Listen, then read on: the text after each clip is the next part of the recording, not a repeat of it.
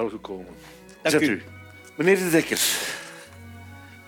Moet ik nu meneer Van Malter zeggen? Nee, liefst niet. Ah, Oké. Mag ik. Francis zeggen? Ja, prima. Dag Francis. Dag Dominique. Hoe is het met u? Prima, dank u. Ja. Eh, ik heb hier op mijn papiertje staan advocaat. Ik ben advocaat nu 18 jaar lang reeds. Ja, klopt. Ik neem aan dat je niet met scheidingen bezig bent. Eh, Ik, doe... ik ben zelf nog gelukkig getrouwd en ik doe ook geen scheidingen. Dus, Kijk eens aan. Ja. Nee. Wa- wa- wa- hoe hoe verhoud jij je tot internering? Wat, is, eh, wat, is, wat maakt dat jij als advocaat erbij betrokken bent? Als jonge advocaat word je daar een beetje op een gegeven moment ehm, tegen wil en dank soms Mm. in betrokken, omdat elke jonge advocaat die zijn stage doet, prodeo-zaken moet doen. Mm. En in die prodeo-zaken zit negen kansen op tien wel een keer iemand die een misdrijf pleegt. En dan bij die mensen die misdrijven plegen zit ook wel af en toe wel een keer iemand die uiteindelijk geïnterneerd wordt. En op die manier rol je daarin. Mm. En na verloop van tijd begin je dan te beseffen dat je in de vele rechtstakken die er zijn, graag met mensen bezig bent. Ja. Liever niet met cijfers Ja. of met overnames van bedrijven, Ja, maar liever met mensen. En op die manier ja, leer je dan om te gaan, want dat is wel een eigen leerschool die je moet doorlopen.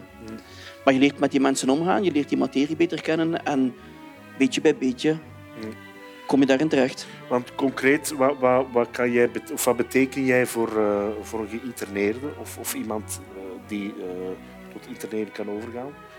In het ideale geval zijn we een compagnon de route.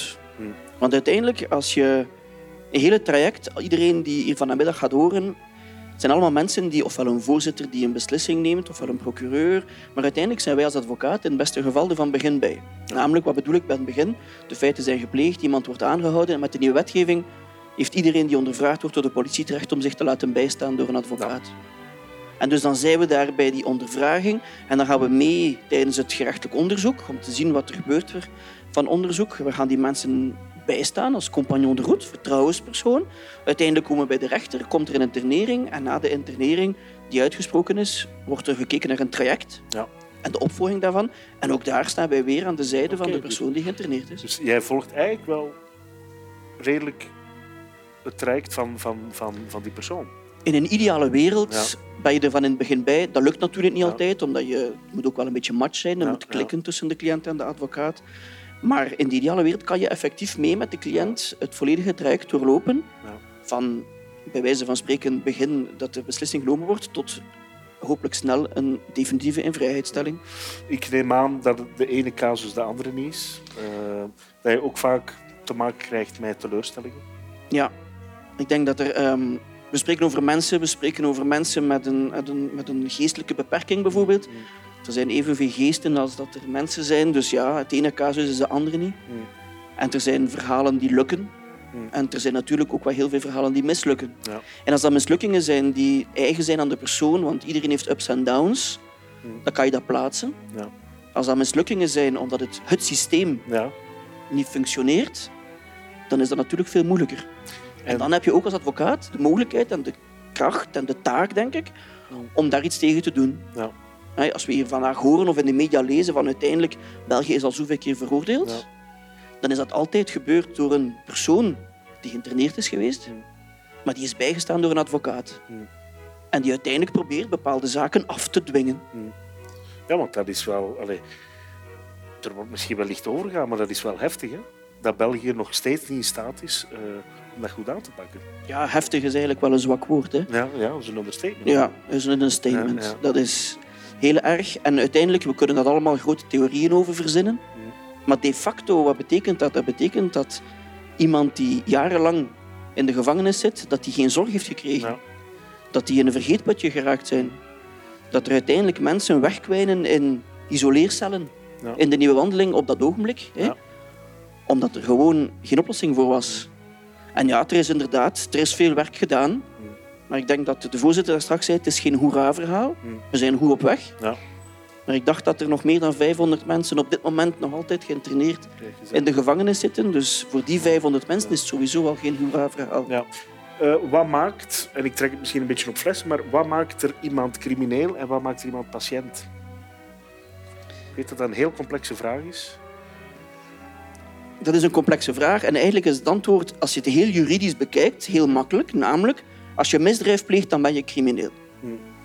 Maar uiteindelijk, ik denk dat we eerlijk moeten zijn. De mensen die geïnterneerd geweest zijn, dat is net hetzelfde als, met alle respect voor iedereen, mensen die gewoon in een psychiatrisch ziekenhuis zitten, die geen feiten gepleegd hebben. Hmm. Soms is de, is de lijn zodanig dun en ook de manier om met die mensen om te gaan, crimineel of niet crimineel, het zijn gewoon mensen die moeten bijgestaan worden. Hmm. En die moeten hulp krijgen. Absoluut. Ik neem aan dat je ook vaak eh, dat ene verhaal u beter loslaat dan het andere. Ik neem aan dat jij ook wel vaak eh, ja, in situaties terechtkomt. Jij praat heel veel met, met, met mensen, dat jij ook wel dat het soms niet makkelijk is om dat van je af te laten glijden. niet? Nee, dat is soms niet makkelijk, omdat je soms ook beseft, ehm, als we daar heel eerlijk in zijn, het kan velen van ons gebeuren. Absoluut. ja. Ehm, niet alleen waar uw wieg geboren staat. Hmm. Maar goed, als je ziek bent, je hebt die ziekte, je doet die op. De manier hoe je daarmee omgaat. Hmm. Dus het kan heel veel mensen eh, overkomen. Hmm. Periodes van goed en, en, en kwadere tijden. Maar het ene verhaal laat je inderdaad niet los. En dat hoeft niet eens te maken te hebben met, met de gruwelijkheid van de feiten. Het gaat hem over mensen. Ehm, als je inderdaad jaar na jaar, bezoek na bezoek in de gevangenis, iemand ziet wegkwijnen, dat je gewoon nergens ermee naartoe kan, dat er geen hulp op dat moment is, ja, dan, dan laat je dat niet los, ongeacht wat die persoon gedaan heeft. Dat is niet altijd makkelijk, maar dat maakt het ook wel boeiend. Ja. Omdat het uiteindelijk met mensen te maken heeft. Hoe ziet jouw ideale juridische wereld eruit?